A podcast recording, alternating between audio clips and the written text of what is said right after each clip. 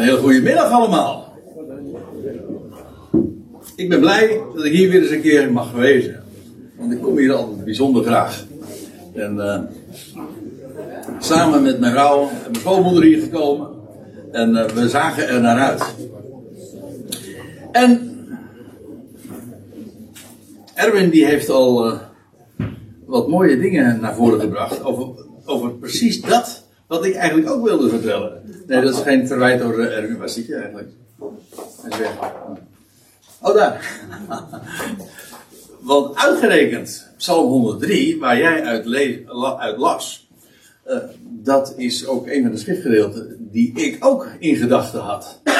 Maar uh, het lijkt mij goed om dat uh, nog eens te herhalen en te onderstrepen. Nou, duidelijk is, het onderwerp voor, vanavond, voor vanmiddag is wie ben ik? Who am I? Um, ja, het is voor mij een beetje vreemd. Deze presentatie. Normaal gesproken heb ik een laptop dan voor me. En dan zie ik ook wat de volgende dia is. En ik heb deze, deze presentatie gisteravond vrij laat gemaakt. En ik weet niet eens meer precies hoe de volgorde ook alweer was van de dia. Dus dat moet ik nu raden. Dus uh, ik hoop dat u enig uh, begrip daarvoor hebt. nou, die wordt lastig hoor. nou, meer kan jij ook niet doen. Nee. Hij blanco. ja, het lijkt wel zo, ja. ja. Nee, we, het maakt niet uit. Uh, we zien het vanzelf wel. Uh, wat, de, wat, wat, de volgende dia dan brengt. Dat is voor u net zo'n verrassing ongeveer als voor mij. Ja, wie ben ik? Kijk, het is een van de belangrijkste vragen die een mens zich in zijn leven kan stellen. Wie ben jij nou eigenlijk? Um, er zijn een, er zijn meer vragen die echt zo enorm elementair zijn die voor elk mens, en waar je ook, zelfs als je er niet eens van bewust bent, stel je je toch die vragen en heb je daar, nogmaals, soms onbewust, daar toch een antwoord op. En deze, wie ben ik? Uh, de vraag die ook onvermijdelijk is, waar kom ik eigenlijk vandaan? En dan bedoel ik niet uh, in de eerste plaats van uh, mijn ouders of de, de woonplaats of waar ik geboren ben, maar wat is mijn oorsprong? En ook de vraag van, ja waar, waar bevind ik mij, in welke tijdspanne, op oh, ja, welke plek in de ruimte, maar ook in de tijd bevind ik mij? En misschien wel de meest elementaire vraag is, waar ga ik naartoe? En al die vragen, zijn zo elementair omdat ze een, een antwoord daarop noodzakelijk is om je weg te vinden. En ja, die vragen stel je. En de grote vraag daarbij is, ik had het in de aankondiging van dit onderwerp ook gezegd, van ah, wie stel je eigenlijk die vragen?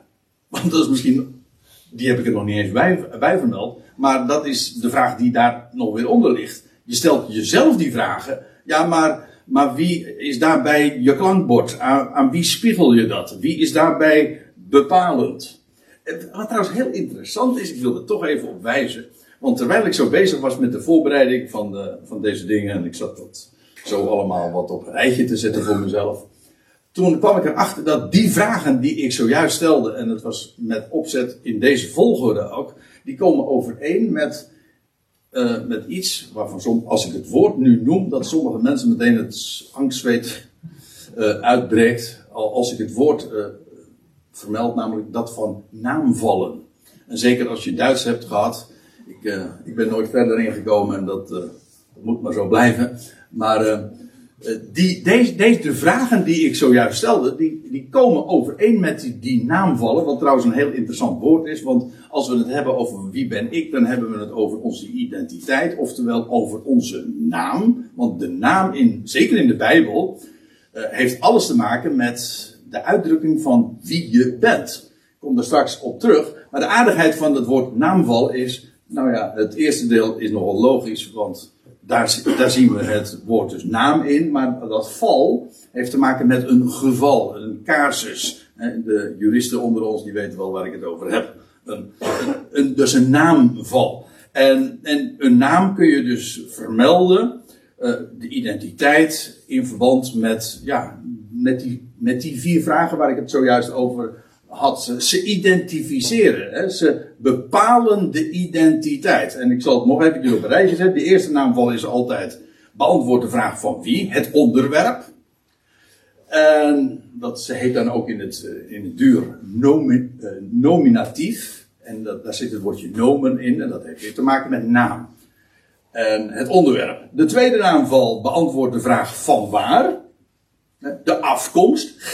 De genitief is heel interessant. De genitief, daar zit het woordje gen in. En dat heeft weer te maken, heeft dezelfde oorsprong als, eh, als wat wij, waar wij ons erfelijk materiaal mee aanduiden. De genen, hè? je afkomst. En beantwoordt daarmee ook de vraag vaak van het bezit. Van wie is iets. Maar dat, dat komt ook omdat het bezit erg sterk bepaald wordt door waar komt het vandaan. Van, van wie heb je het.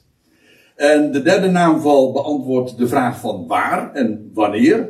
De datief, de, de bepaling van tijd en plaats. En die vierde, eh, die vierde vraag, die komt dan overeen met de vierde naamval. En die beantwoordt eh, de vraag van, onder andere tenminste, want het is complexer dan ik nu even vertel, maar daar komt het op neer. Uh, die beantwoordt vooral de vraag naar de richtingen. Waar naartoe? En in het Nederlands speelt dat allemaal niet zo'n hele grote rol meer. Slechts in, hele, in oud-Nederlands nog wat meer. Maar eh, zeker als je andere talen, met name dan het Duits, eh, zie je dat heel sterk terug. Waar de naamvallen een enorm grote rol spelen. Vooral die eerste vier waar ik het nu over heb. In de werkelijkheid zijn er nog wat meer. Maar, ja, waarom zeg ik dit? Omdat we dus ook taalkundig eh, stuit je al op die vragen. En dat vond ik wel heel boeiend. Kijk, normaal gesproken, als ik de vraag uh, aan iemand stel van wie ben je? Ja, hoe antwoord je daar dan op? Wat zeg je dan? Ja, het eerste uh, wat je dan doet is uh, je naam vermelden, toch? Wie ben jij? Ja, dan zeg ik, ik, ik ben André. En je kan dat ook heel officieel doen, zoals je dit in het plaatje ziet met, een, met je paspoort. Daar staat ook heel formeel in beschreven van wie jij bent. Uh, in feite zit in de naam ook al het geslacht, wat tegenwoordig natuurlijk heel erg omstreden is. Uh, maar in de voornaam zit al, uh, wordt ook het, het, geslacht, de sekse, wordt ook al aangegeven. Ik bedoel, ik heet André. En dat is echt een jongensnaam. Betekent namelijk ook mannelijk. Dus, dat, ja, er zijn ook vrouwen die Andrea heet. Dus mijn schoonzus heet zo. dan wordt het wel ingewikkelder, maar goed. Maar dat is dan wel weer een typisch vrouwennaam dan. Hè. Dus ook, ook zelfs, zelfs in de naam geef je al aan, uh, zit dat er ook in. Dat is heel elementair. Ik zei al, dat zwaar omstreden tegenwoordig. Maar ja, uh, verwarring. Kijk, het is zo buitengewoon belangrijk om antwoord te hebben op de vraag van wie je bent. Je, je identiteit. En het is, ik, ik beschouw het ook als zo tekenend voor de tijd waarin we leven, waarin zelfs de meest fundamentele, elementaire dingen, uh, dat daar verwarring in gecreëerd wordt. Die zo evident ook zijn, als er iets duidelijk is, ook als we het hebben over het geslacht, ja, dan, uh, dan wordt daar al twijfel over gezaaid. Ja, en wie zou dat nou doen? En in feite, de belangrijkste eh, vraag die ook richting geeft aan je leven, die, even vermelden. Als, er is geen vraag die zozeer richting geeft aan je leven als juist de, het beantwoorden van je identiteit. Van, uh, we spreken dan over je zelfbeeld. Ja, waar, waaraan ontleen je dat? Maar juist dat, hoe je jezelf ziet, zal bepalen welke richting je gaat in het leven. Nog veel meer dan ethiek, van hoe moet ik leven? Nee, de vraag is in de eerste plaats, wie ben ik? En als je die vraag kunt beantwoorden, dan weet je een heleboel andere vragen te beantwoorden. Oké, eh, wie ben je? Dan zeg je je naam. Hè? Je kunt ook de afkomst vermelden. Feitelijk doen we dat ook in onze naam, maar dan in, onze achternaam. Want onze achternaam vertelt van waar we vandaan komen. Dat zie je in de Bijbel ook. Hè? Dan wordt iemand genoemd, bij name meestal. Uh, David, en dan staat er de zoon van Isaïe. Nou, wij zeggen dan uh, Jansen of Pietersen. Of, Maar dat betekent gewoon zoon van Piet of zoon van Jan. Uh, maar die achternaam geeft dus de, de, de afkomst weer. Ja, en daar zijn natuurlijk nog heel veel andere bijzonderheden te vermelden. Zoals je dat bijvoorbeeld op, een, op het identiteitsbewijs van je paspoort of je rijbewijs ziet. Achtergrond. Dat zie, je, dat zie je in de Bijbel ook. Hè? Dat, ik, ik zat het zo eens na te gaan, maar dat als uh, bepaalde personages in de Bijbel worden geïntroduceerd, dan wordt er heel dikwijls gezegd van uh, die en die, de zoon van, of de dochter van, de, ik noem maar wat, Rebecca, de dochter van Betuel, die, Milga, meen ik, haar, hem verwekt had. Zoiets. En dan wordt de afkomst vermeld. Maar vaak worden nog allerlei uh, andere bijzonderheden er ook bij gedaan. Iedere keer de herhaling daar ook van. Eigenlijk zo, zodat we weten over wie we het hebben. Bijvoorbeeld, maar ook, uh, ik, ik vermeld hier iets over het beroep. Uh, David, de koning. Of zo wordt het dan benoemd. of Ragab, de hoer, die is wat minder edel. Maar het was allemaal wel familie, moet ik erbij zeggen. Ja, Rachel was de, wat was het? Werd overgrootmoeder of zoveel van, uh, van David. Of het uiterlijk. Dat, uh, dat, zullen we straks ook nog zien. Maar uh, van, van, van Saul lees je dat hij een kop boven het volk uitstak. Of zoiets. Dat was een, een gestalte. Juist dat onderscheidde hem van anderen. En in feite is dat ook in de praktijk ook de functie van een naam. Of in ieder geval een van de functies van een naam. Dat dient ter onderscheiding. Als we allemaal hier als alle mannen hier André zouden heten, is niet erg handig, hè? Nee, want als je, het gaat er juist om, je noemt iemand, en, zodat iemand daar ook op kunt, kan reageren. Maar dat is alleen maar handig en goed en nuttig wanneer je dat, uh, wanneer je daarvan onderscheiden bent van de anderen. Het zou wel heel mannelijk zijn. Het zou wel heel mannelijk wezen, ja, zeker, ja. Ja, ja dat zou je wel willen, hè, allemaal André heten.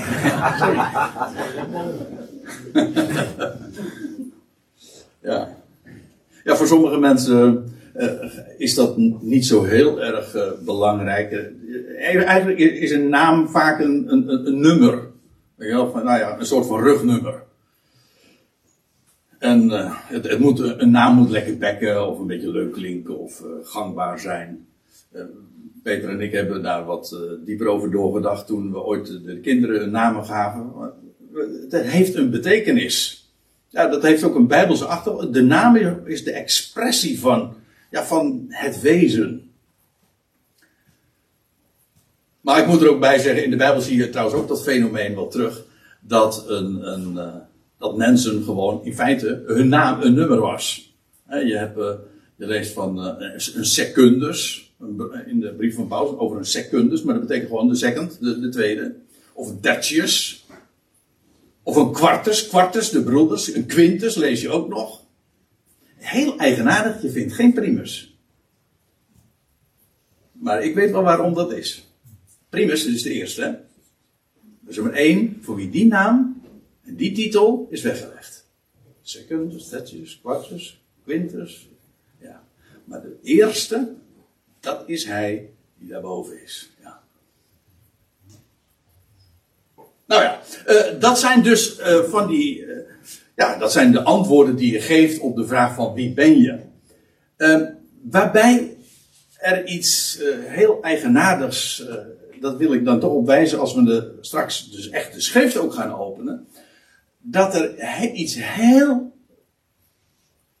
Ehm, een heel belangrijk verschil is tussen de wijze waarop de mens de identiteit bepaalt en de wijze waarop God dat doet. En ik zal dat uh, duidelijk proberen te maken. Kijk, als wij het hebben over iemand en over iemands identiteit, wie, is, wie dat is, dan doen we dat altijd op basis van wat wij nu zien. Hè? Op basis van wat voor ogen is. Hè? Bijvoorbeeld ook uh, lichamelijke kenmerken. Uh, groot, mooi, blond of rood of weet ik veel wat allemaal. Dat soort dingen. Dat zijn dingen die voor ogen zijn. En ook heel dikwijls eh, op basis van het verleden. Hè. Je, je, vermeldt van, ja, ik ben, ik ben André, ik ben geboren 2 maart in Haarlem in 1961. Weet u dat ook weer? En uh, dat is het verleden. Hè. Of eh, je vermeldt de, de, na- de naam van de ouders waar ik het over had. Of je vermeldt, als, je daar trots op bent, eh, je opleiding. Eh, of je, je, je strafblad. Ja, die vertellen allemaal wat over wie jij bent. Als je, als je een strafblad hebt, dan, dan zeg je trouwens ook, dan heb je een verleden. Zoals, eh, wij bedoelen dat meestal, als we het zo zeggen, eh, negatief. Ja, dat is iemand met een verleden. Dat bedoelen we nooit iemand eh, met een gro- grote staat van dienst. Maar ook handicaps, dingen die, we, die een mens beperkt, maar waarin die zich ook weer onderscheidt van anderen. Maar dit zijn allemaal dingen, kenmerken, die feitelijk voor ogen zijn. En nou komt het grote verschil met dat wat God doet als hij het heeft over iemand, of de identiteit bepaalt, of zegt van wie iemand is, dan doet hij dat juist met het oog op de bestemming. Dan heb ik het weer over die vierde naamval, zeg maar. Hè? Die, dat, waar gaat het naartoe? Maar dat is nou precies datgene wat een mens niet kan zien. De toekomst. Hè? Dat wat, voor, wat nog voor de boeg ligt. Maar laten we wel wezen. eh, goed. Zoals we hier zitten. De, de een eh, die heeft er al eh, heel wat jaren op zitten. De ander wat minder. Maar dat is allemaal. ja, dat is wat we weten. Dat is wat voor ogen is. Maar wat nog voor ons ligt. Ja, dat is, daar kunnen wij als mens niks over zeggen. Voor zover we daar ook iets over weten, dan is dat omdat we daar openbaring over hebben verkregen. En dat God er het zijne over heeft gezegd. Dat is, maar dat is slechts aan hem. Er is, zoals zojuist in de, in de quiz ook nog voor, naar voren kwam, dat, eh, hoe was dat ook weer in Jezaja 46, eh, die tekst? Help me verder in. Juist, ja, die, die bedoel ik. Je had er nog eentje, Jezaja 46. Ik ben God, hè, die van de beginnen de afloop verkondigt. Maar als er één ding is wat een mens nu uitgerekend niet kan, dat is juist iets te zeggen over de toekomst. Maar juist, laten we wel wezen. God heeft ons bestemd voor het leven en die letterlijk een eindeloze toekomst. En dat bedoel ik letterlijk, kwantitatief zeg maar, maar ook kwalitatief, eindeloos. Hè? Zoals je, je vakantie ook eindeloos kon zijn. God heeft een eindeloze toekomst voor ons weggelegd. En sterker nog, voor deze hele schepping, om niet. En, en wat ik nou zo geweldig vind, is dat het belangrijkste eh, van onze identiteit, dat ligt nog in de toekomst. Wat God van ons gaat maken. En wat blijkt, dat als het om onze identiteit gaat, onze naam, ja, dat is wat God voor, voor, God voor ogen heeft. En dat staat dus eh, even los van, van het verleden en van het heden. Nee, dat gaat erover wat Hij voor ogen heeft, zijn voornemen, zijn plan. En daarin geeft Hij eh, ons de identiteit mee. Nou, ik zei al, ehm, Erwin die had eh, iets, een bijbelgedeelte voorgelezen. En dat vond ik inderdaad wel heel erg eh, voor de hand liggend om die eh, als eerste te bespreken, omdat, eh, ja, als we het hebben over van wie ben ik, ja, aan wie stel je die vraag?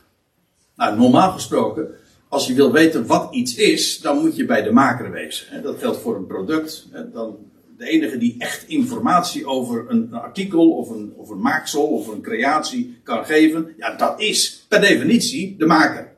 Nou, dus wie ben ik? Ja, dat kan ik natuurlijk wel aan een mens gaan vragen.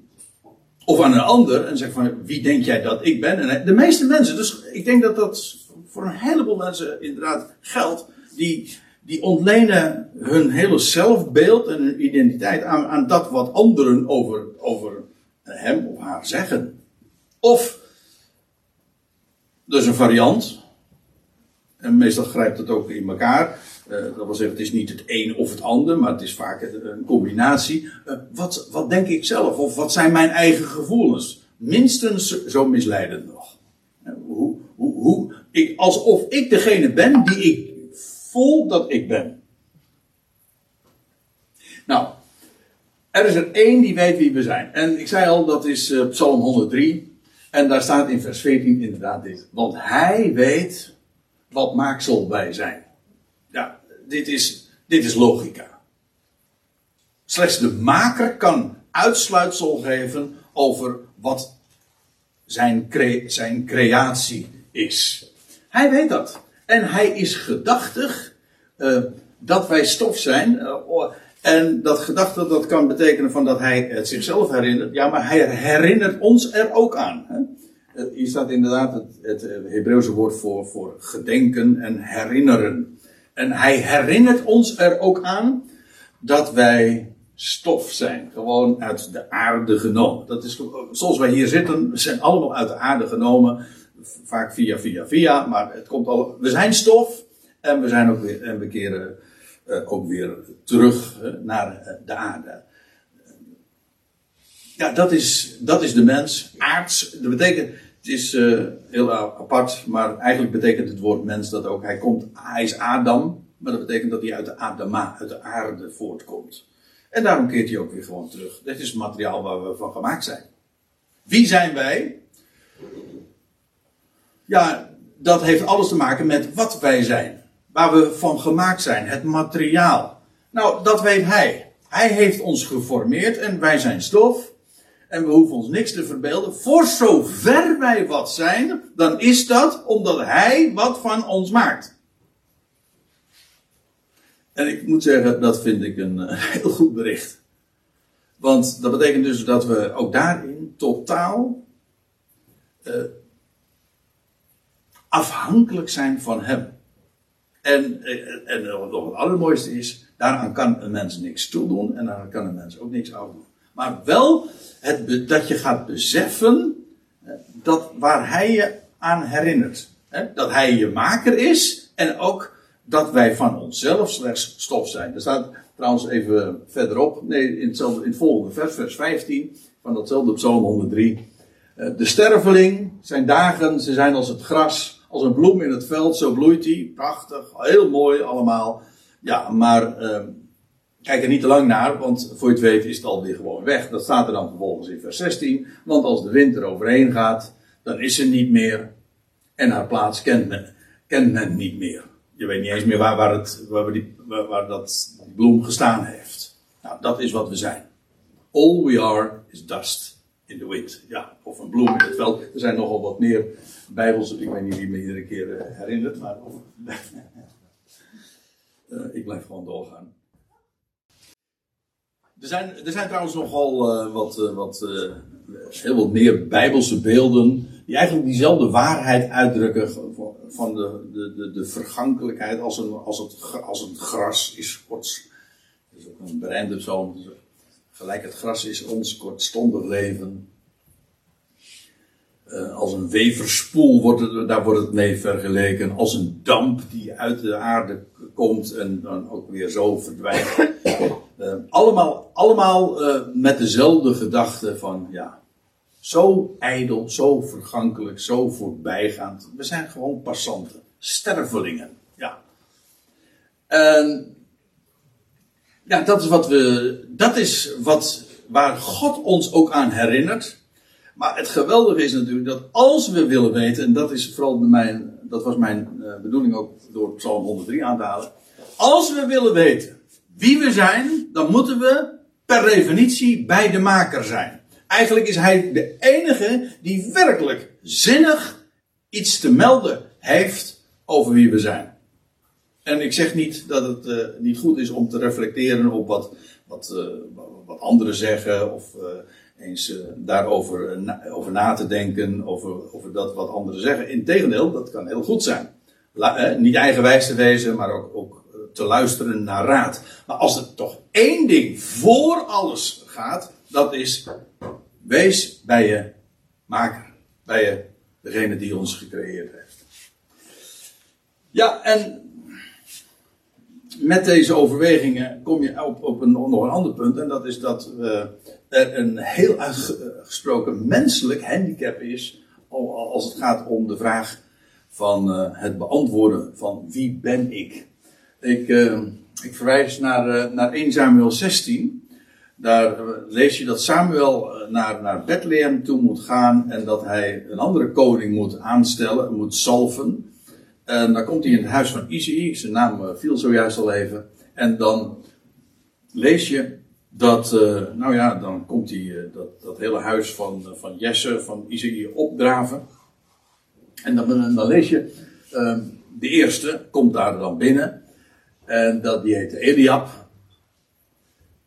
Mijn God is vader, dat is wel een hele mooie naam. En, en zoals is de letterlijke weergave dan. En Jaweh zei tot, tot, tot Samuel: Kijk niet naar zijn verschijning, noch naar zijn verheven statuur. Dus kennelijk was die Eliab een, een, een reizige gestalte, een, mooie vent. Toen, en het, het loutere feit dat God dit zo laat weten aan, aan Samuel, geeft aan dat Samuel ongetwijfeld gedacht heeft: van dat moet hem wezen. Ziet er echt heel goed uit. Het is echt een man die geschikt is voor het koningschap.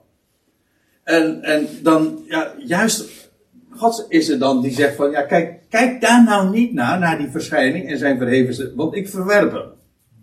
Ja, weet het. Voor sommige mensen betekent dat dan van meteen dat, dat, uh, dat hij verdoemd is of zo, wat een volstrekte onzin is. Want het gaat hier gewoon over de, het, het verkiezen van een koning.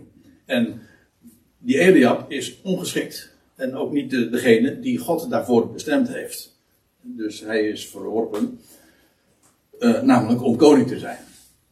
Immers, en dat is de reden dat God dat zo aan Samuel laat weten. Immers, het is niet wat de mens aanziet. De mens ziet wat voor ogen is. Maar Yahweh, de Heere, God, de godsnaam, de, zijn God, de godsnaam is trouwens ik ben. Ik ben die ik ben. Uh, maar Yahweh, hij ziet het hart aan. En, ja, en dat het hart aan, dat wil zeggen het wezen. Het, het, het hart staat uh, voor de binnenkant. Wij denken dan bij het hart altijd uh, medisch, alsof het die, die, die, holle spier is die in onze borstkas klopt. in de Bijbel is dat trouwens nooit het geval. De Bijbel is gewoon het hart, de, de binnenkant van de mens. En en dat wat niet gezien wordt. Nou, dat klopt voor die hondenspieren natuurlijk ook wel, dat weet ik wel. Uh, maar dat is de, ook het wezen, het, de essentie, het centrum. Zo spreken wij daar trouwens ook over. Het hart van de stad, hè, dat is gewoon de, het centrum. Het knooppunt, waar alles samenkomt. Uit het hart zijn de uitgangen des levens. Dat wil zeggen, alles, alle facetten van het leven komen daar samen. Nou, slechts één is bij machten dat te zien.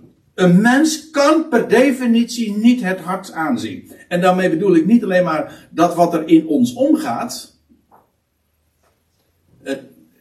Een mens, ik bedoel, hoe, tot op zekere hoogte zijn wij, eh, denken we daartoe in staat te zijn om de gedachten van een ander te lezen. Maar dat, dat is nog niet eens uh, het hart. Het hart is gewoon wie wij zijn. En ook wat hij voornemens is met ons te maken van ons te maken. En ook wat we zullen worden. Want het hart van de mens, dat is wat, wat je werkelijk bent. En wat hij ook voornemens is met jou te gaan doen. In feite is dat hier ook aan de orde. God zag het hart aan. Of God ziet het hart aan, maar in dit geval ook met, bij, bij, de, bij de keuze van een koning. Het zou nog tijden duren, alvorens David daadwerkelijk op de troon zou zitten. Ja, maar God zag dat al. En dat is het wezen. Dat is het hart. Daar ging het om. En dat, ja, dat is een mens niet gegeven om daar zicht op te hebben. Nee, maar God wel. En daarom moet je ook bij hem wezen. Als je wil weten hoe de, hoe de vork werkelijk aan de steel zit. En als je werkelijk wil weten wie je bent. What's in a name? Ja, nou ja, we hadden het al even over dat de naam de uitdrukking is van ja, wie je bent. Dat is het eerste ook wat we zeggen als de vraag gesteld wordt: wie ben je? En dan noem je je naam. Nou, what's in a name? Uh, nou, heel veel.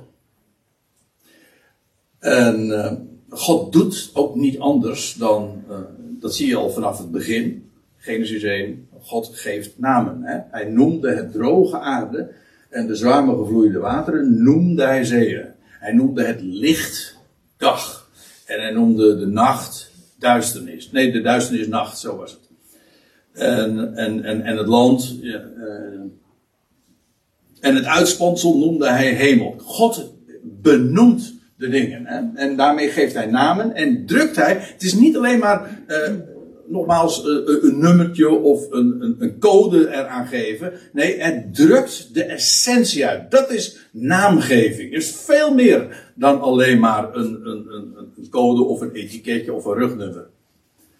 Uh, je, later lees je trouwens dat de mens ook die, die de taak krijgt om, om al het leven uh, de dieren een naam te geven. En dat is ook, ook dat, iedere keer is dat de uitdrukking van het wezen van zo'n creatie. En, en de mens kreeg als, als heerser, als koning, ook de taak om, om dat te doen. Om de dingen te benoemen, een naam te geven.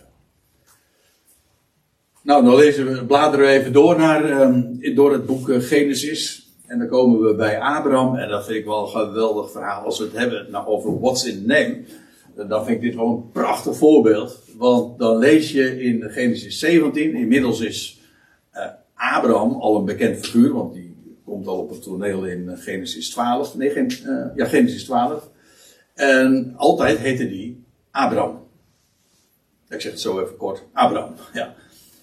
Betekent letterlijk verheven vader. En in Genesis 17, Abraham is nog steeds steek genomen, kinderloos, voor God in ieder geval. En dan lees je, hij, hij is dan 99 jaar oud. Eh, een prachtige geschiedenis, Genesis 17. God geeft dan ook een teken van de besnijdenis. Met alles wat eraan vastzit. En dan staat er in vers 5 van Genesis 17. En dat God tegen hem zegt: En jouw naam zal niet meer genoemd worden Abraham. Maar jouw naam zal zijn Abraham. Er komt een, in het Hebreeuws de letter he bij. Dus een venster. Ook een vijf. Maar eh, daarmee betekent eh, de, de, de naam verandert ook qua betekenis enorm. Want dan staat er omdat ik jou tot vader van een menigte natie stel. Dus vanaf, vanaf dit moment krijgt Abraham die naam, Abraham. En dus Abraham, sorry, Abraham. En dan, dus moet je je voorstellen dat, dat, dat hij voortaan zo genoemd wordt. Een man die strikt genomen nog kinderloos was. Formeel, ik bedoel vanuit Gods optiek. Kinderloos, nog, de zoon van de belofte moest nog steeds geboren worden. En hij werd al genoemd een, een vader van een menigte natie. Kijk, dit is nou typisch goddelijke identificatie. God wist wat geen mens kon weten en sterker nog, wat mensen voor onmogelijk achten. Maar God regisseert. Hè? God heeft de regie, hij plaatst dingen en hij zegt, zo zal het zijn. En niemand ziet het nog. Ga niet te raden bij de gynaecoloog of bij de dokter die, of, of, of jij inderdaad, uh, of, of Sarah en moeder kan worden, want die, die, die weten het niet. En dat is geen, dat is, eh, daarmee uh, beledig je maar het is gewoon het menselijk onvermogen. En dan vind ik het zo geweldig. Uh, dat, je, dat, dat God een naam geeft. En hier zie je ook typisch, uh, hij is al iets voordat het gezien wordt. Dit is, hij is een Abraham, Abraham zeggen, ik ben Abraham. En anderen noemden hem zo, niet omdat ze het zagen, ook niet omdat ze het voelden, wat dat dan ook zijn mogen in dit verband. Ik, ik, heb geen idee wat dat zou kunnen betekenen. Maar het doet niet de zaken. Het gaat, doet helemaal niet de zaken wat je ziet of wat je voelt. Allemaal van die dingen waar wij zo enorm veel waarde aan toekennen. En de Bijbel negeert dat. Het gaat erom, God zegt, jij, alle mogelijkheden zijn afgesneden, jij, jij kan geen vader worden. Ook mede vanwege je vrouw, wie het lichaam uh, verstorven is, uh, dood, impotent om leven voort te brengen. Jawel, maar ik breng leven voort uit de dood. God passeert het menselijk onvermogen. Jouw naam zal zijn Abraham. Ja, en dan gaat de geschiedenis verder in Genesis 21. Abraham was 100 jaar oud toen hem zijn zoon Isaac geboren, uh, zijn, hem zijn zoon Isaac geboren werd. Uh, dat betekent lachen was trouwens al voor de geboorte bepaald. Zeven keer in de Bijbel lees je, heel interessant. Zeven keer lees je in de Bijbel dat God al voor de geboorte van een kind de naam geeft. Dat was bij Ismaël ook al het geval. Isaac, van Salomo lees je dat. Ja, ik, kan ze niet alle zeven geloof ik eh, opnoemen, maar eh, ik, kan u, eh, ik kan u verzekeren, het klopt wel. ja. Van Johannes en van, van zelf ook natuurlijk. Hosea lees je het ook. Oh. Kijk, en daarmee zegt God ook, eh, jullie weten daar nog niks van, maar dit heb ik, dit is mijn voornemen. Dit ga ik van die persoon maken. Dat kun je niet zien, dat kun je niet voelen, dat is niet op basis van het verleden of helemaal niets. Dit is zoals ik weet dat hij of zij zal zijn. Dat is toch geweldig? Dat, je, dat we, dat we zo'n woord hebben, dat we zo'n God hebben die dat alles uh, overstijgt.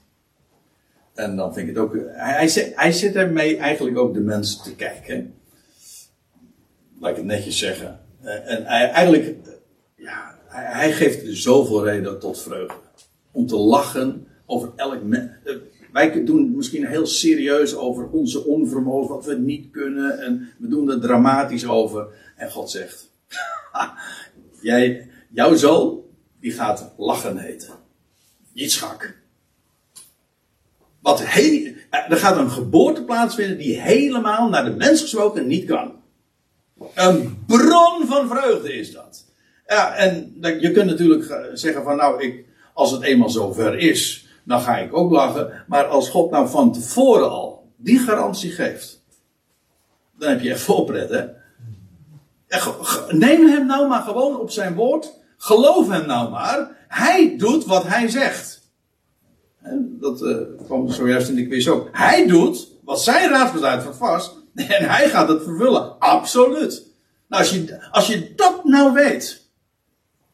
Ja, dan heb je, dan heb je geen identiteitsprobleem, kan ik u vertellen. Integendeel.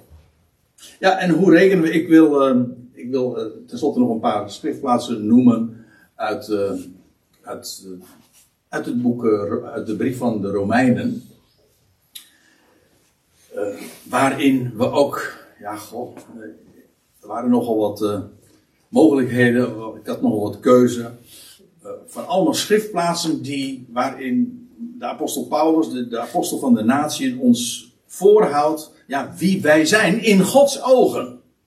En dat is zo elementair, want dan zie je dus, en daarmee wordt ook een heleboel theologie allemaal aan de kant geschoven. Er staat er in Romeinen 5 vers 8. God echter bewijst zijn liefde jegens ons, dat toen wij nog, toen wij nog zondaren waren, Christus ten behoeve van ons stierf.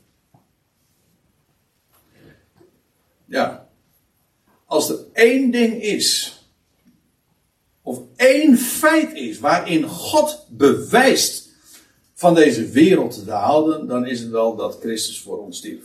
De wereld sloeg hem aan het kruis en God zegt: Wat jullie ook doen, toen hij stierf, ik hou van jullie. En die liefde is niet kapot te krijgen.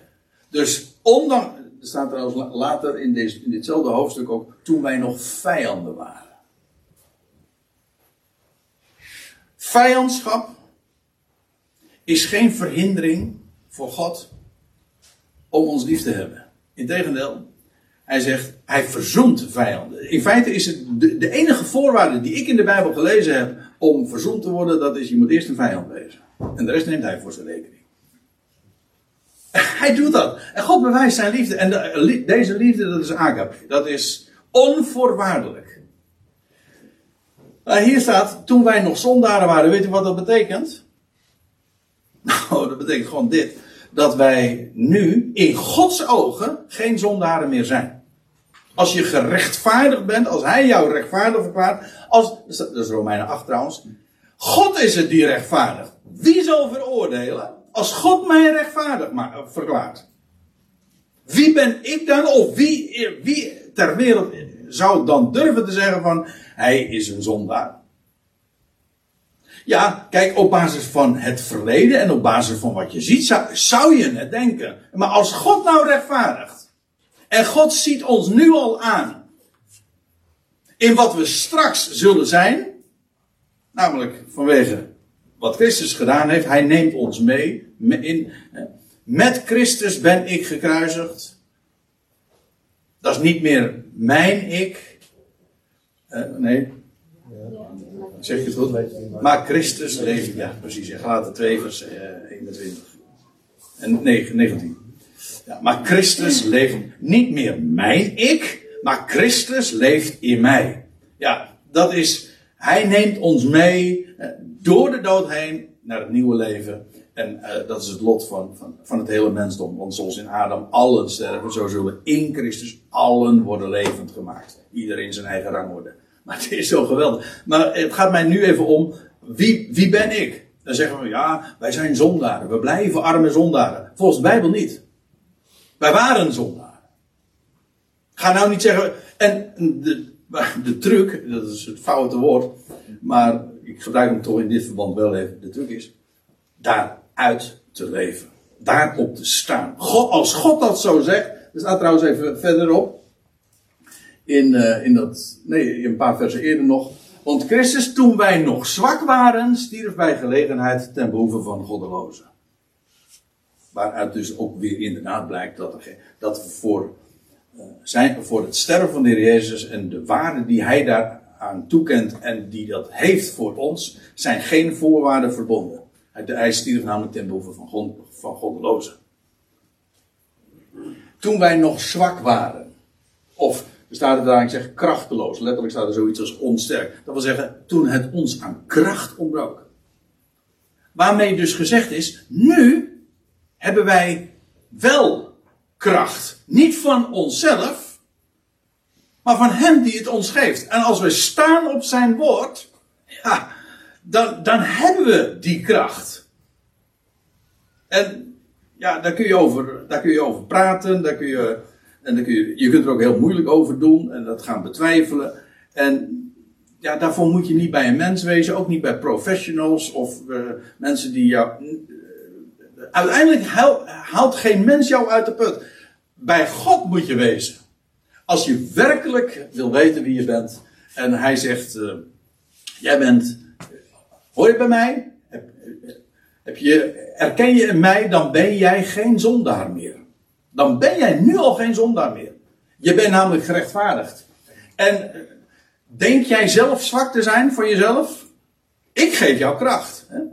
Ik, we, zongen het toch uh, ook vanmiddag nog. Ik vermag alle dingen in hem die mij kracht geeft. Ik vermag alle dingen. Is dat overdreven? Nee, is gewoon wat zijn woord zegt. En die kracht, ja, dat is uh, wat ons ter beschikking staat. En is de laatste die ik nog wil laten zien.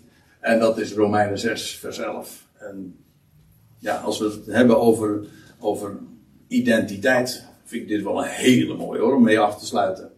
Dat Paulus, ik geef toe, het is midden in zijn betoog, maar dan zegt hij, nadat hij gesproken heeft over Christus, die stierf eens voor altijd en hij opgewekt uit de doden en hij is de levensvorst. De dood heeft hij achter zich gelaten. En dan staat er in vers 11 van Romeinen 6. Zo ook jullie. Reken jezelf inderdaad.